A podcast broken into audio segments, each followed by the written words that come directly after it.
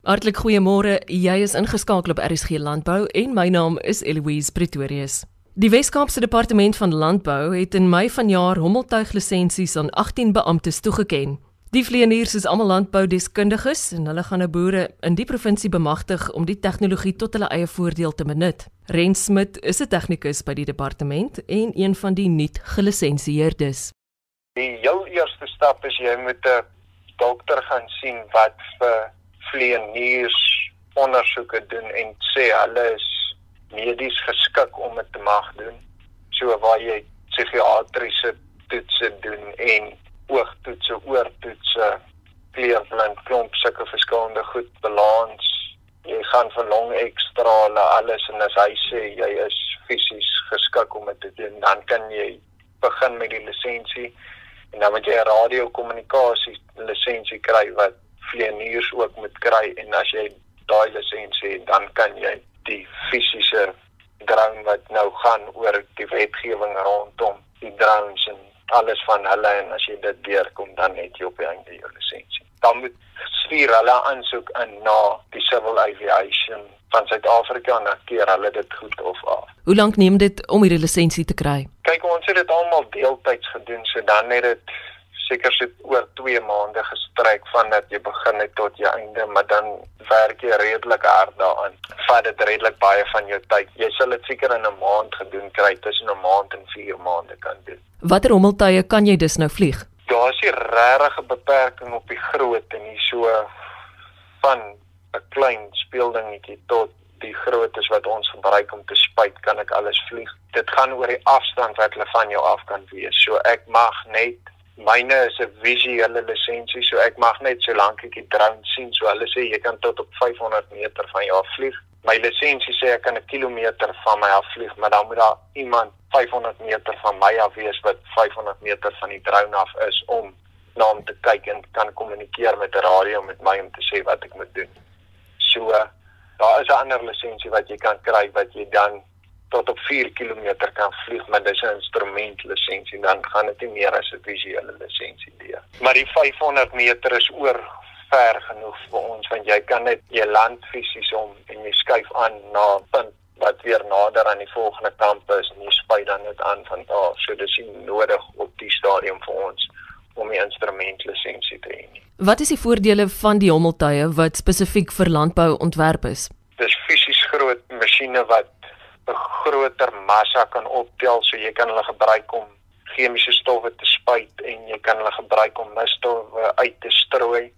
So die een wat ons heidaglik het kan 20 kg optel en dit gebruik dan om te spuit of om misstowwe uit te strooi. Hy die batterye en die goed wat jy saam met hom kry is sodat jy as jy sou wou 24 ure 'n dag kan spuit.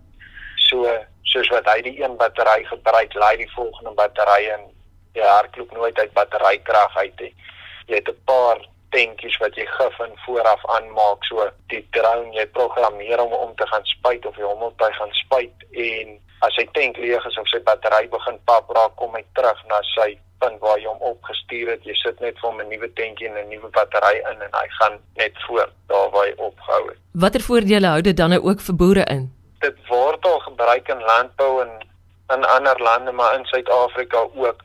Ons werk spesifiek op graanstelsels so die doel met die hommeltuig wat by ons is wat ons nou meen kan gaan spuit en misstowwe uitstrooi. Wil ons toets en kyk is dit ekonomies en kan dit waarde toevoeg tot die boer se stelsel. So is daar 'n plek waar dit inpas waar ons dit spesifiek wil gebruik is ons buite die een wat spuit, het ons een wat veranderings in plante kan optel waar ons kan kyk vir spesifiek vir onkruide of waar daar tekorte of probleme is en dan die groter hommeltuig te gebruik en daai spesifieke probleme te gaan aanspreek dat jy nie meer 'n hele kamp hoef te spuit nie, maar net die 10% of 5% wat daar onkruide is, net daai spesifieke kolle kan gaan spuit of as jy misstowwe uitstrooi laat jy net jou tekorte aanspreek en sodoende net baie laer inset het.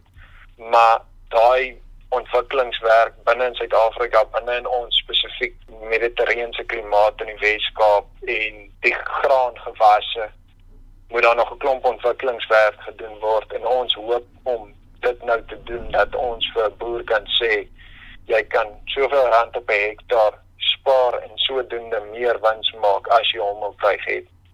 Maar dit is hoekom ons hom op die proefplaas wil gebruik om dit vas te stel presies wat se waarde kan dit vir landbou en vir boere toevoeg. Jy praat van 'n groot hommeltuig. As jy hom dalk vir my kan beskryf, hoe lyk hy en wat weeg hy? Hy kan 20 kg optel. Ek skat hy weeg omtrent 30 kg so om plus minus 50 kg in die lug op te tel is nie maklik nie.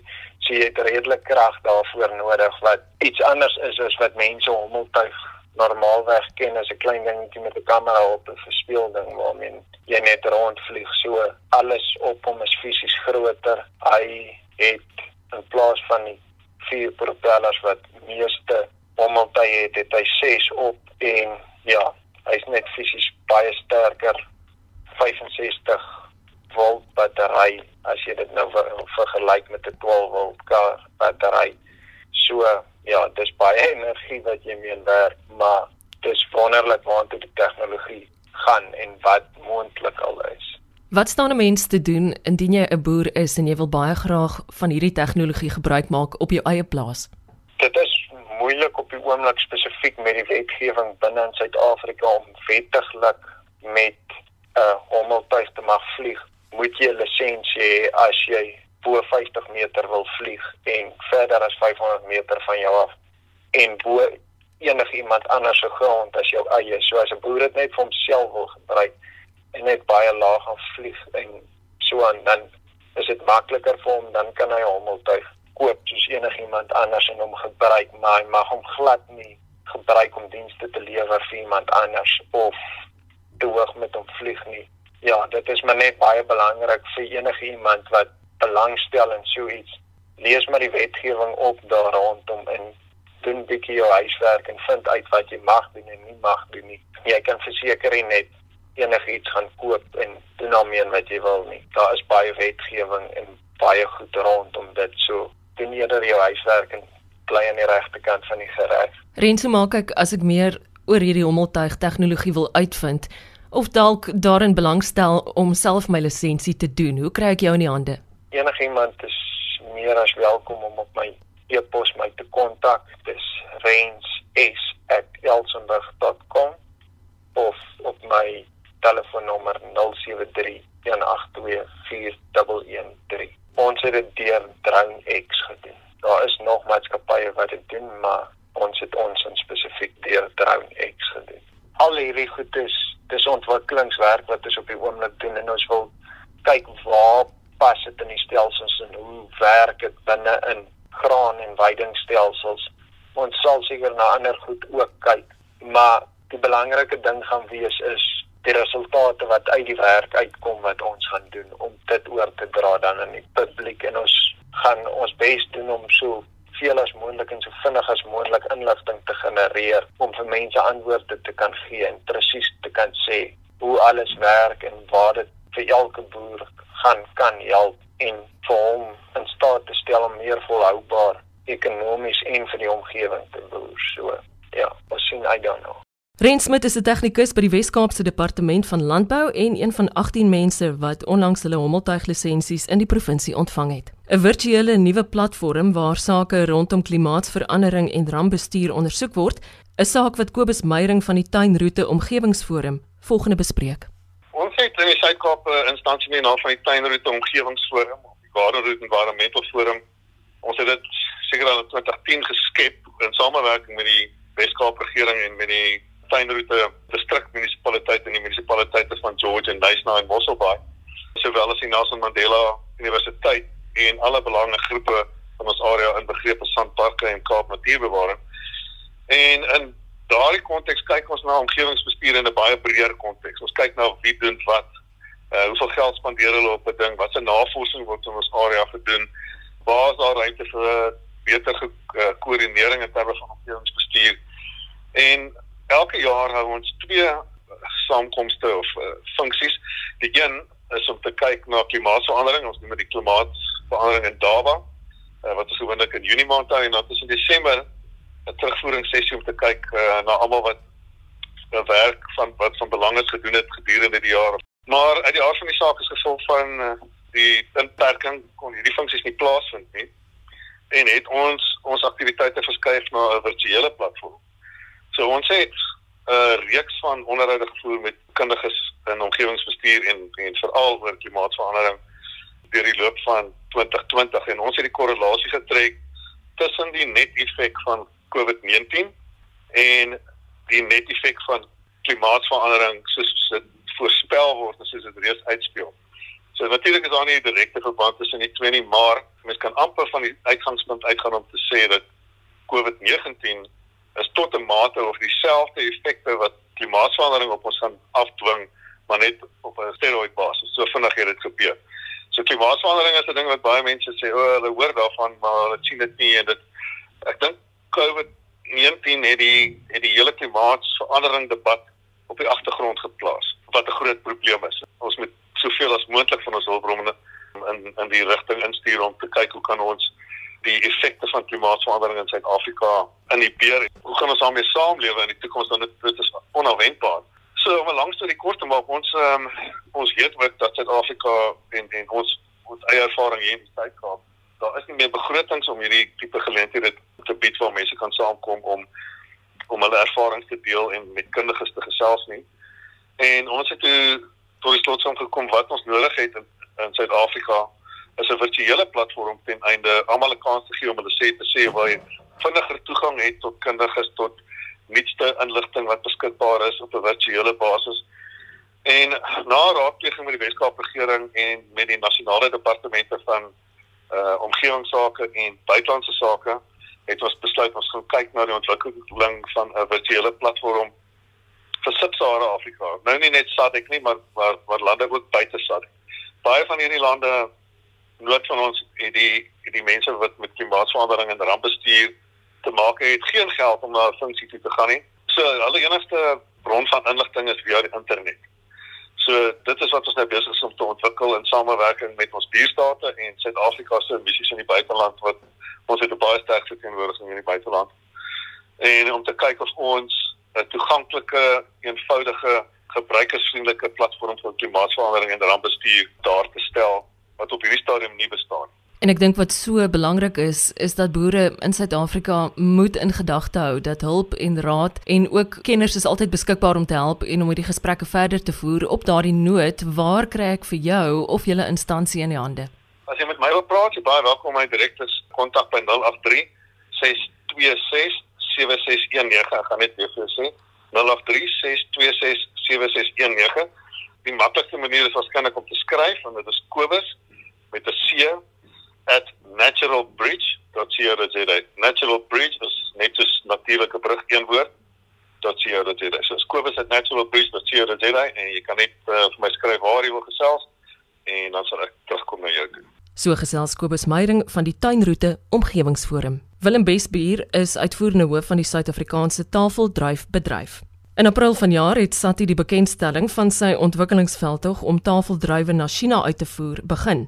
Volgens Besbuur is dit 'n riem onder die hart, ook om waar te neem hoe dat ontwikkelende tafeldruifboere 'n besonderse bydrae gemaak het ons bemagtigingsprojekte of boere wat produk gelewer het binne in hierdie China projek. Uh en dis produk wat met enige ander kommersiële produk in Suid-Afrika op die uitvoermark uh suksesvol meeding. So ons is baie trots daarop. Ons het vir Hendrik Hendrik Davids wat in Robertson omgewing op die plaas vergeleë en baie suksesvol boer. Ek dink ons het al van tevore gepraat oor Warren Bam wat hierso in die Portable Saron omgewing 'n uh, baie suksesvol boer en 'n volledige kommersiële boer is. 'n uh, deel van sy besigheid is organies, hy's baie suksesvol. Daar is 'n uh, Alec Abrams wat op die plaas Siazama in die Dorings 'n boer en en ons uh, gesels met hulle baie dikwels en en ons hoor hoeveel keer van hoe hulle 'n getuienis as ware lewer oor oor hoe hierdie bedryf en geleenthede in die bedryf om regtig kommersieel te kan boer hoe dit hulle lewens en natuurlik hulle nageslagte en die mense om hulle die begunstigdes in hierdie tipe van ondernemings se lewens verander. Iemand wat onlangs ook uh, goed sukses behaal het is is Robin Johnson op die plaas Chuma ook in die Hexrivier Vallei. Dis dis regtig projekte waarop ons baie trots is en kollegas in die bedryf met wie ons baie lekker saamwerk. Eloise, ek dink uh, landbou in Suid-Afrika en ons bedryf by uitstek omdat ons so sterk uitvoergerig is en en afhanklik is van uitvoere. Ek het net nou verwys na na marktoegang en ek het ook verwys na die feit dat marktoegang is werklik die finale ooreenkoms is 'n bilaterale ooreenkoms tussen ons regering en die teikenmarkse omgewing eh, se regering. So ons is geweldig afhanklik van 'n bekwame regering met kapasiteit wat hierdie werk uh, kan doen. So so dis vir ons sleutel belangrik dat ons regtig waar uh, sterk ondersteun word die die relevante departemente en en dan omdat ons 'n uitvoerproduk het is ons ewenigs uh, afhanklik van baie goeie infrastruktuur en vermoëns en hier verwys ek veral na paaie die Kaapstad hawe en 'n ordentlik funksionerende produktiewe Kaapstad hawe. So weer eens, dit is iets wat die bedryf nie op sy eie kan doen nie. Ons is baie afhanklik